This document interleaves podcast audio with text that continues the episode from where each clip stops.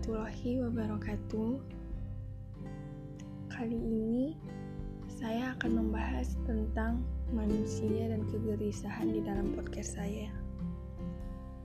Sebagai manusia, tentunya kita memiliki kegelisahan masing-masing dalam hidup ini, seperti rezeki, pekerjaan, jodoh, dan masa depan.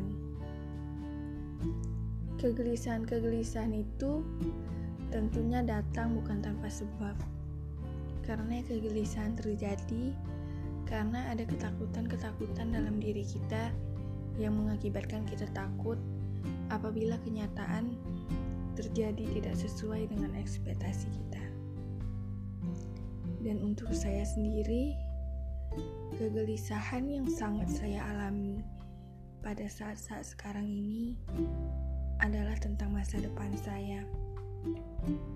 Karena berbeda dengan keadaan-keadaan sebelumnya, keadaan pandemi ini sangat berpengaruh terhadap apa yang saya kerjakan sekarang dan tentunya berdampak pada masa depan saya. Mengikuti pembelajaran melalui daring yang dipaksa oleh keadaan merupakan hal yang tentunya sedikit sulit untuk saya jalani.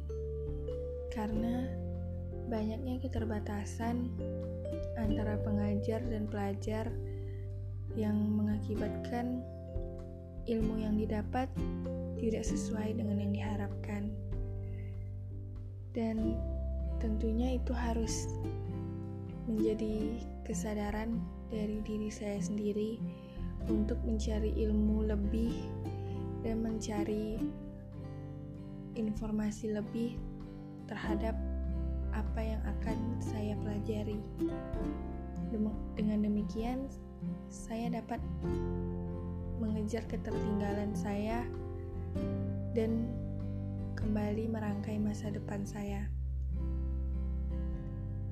Walaupun sepertinya pembelajaran daring ini terlihat santai dan memberikan lebih banyak waktu untuk pelajar seperti saya ataupun teman-teman yang lain. Tetapi di dalamnya terdapat banyak kegelisahan tentang pelajaran yang kurang dipahami, tugas-tugas yang mungkin menyita banyak waktu dan masa depan yang saya harapkan juga lebih suram daripada saat saya membayangkannya sebelum keadaan pandemi.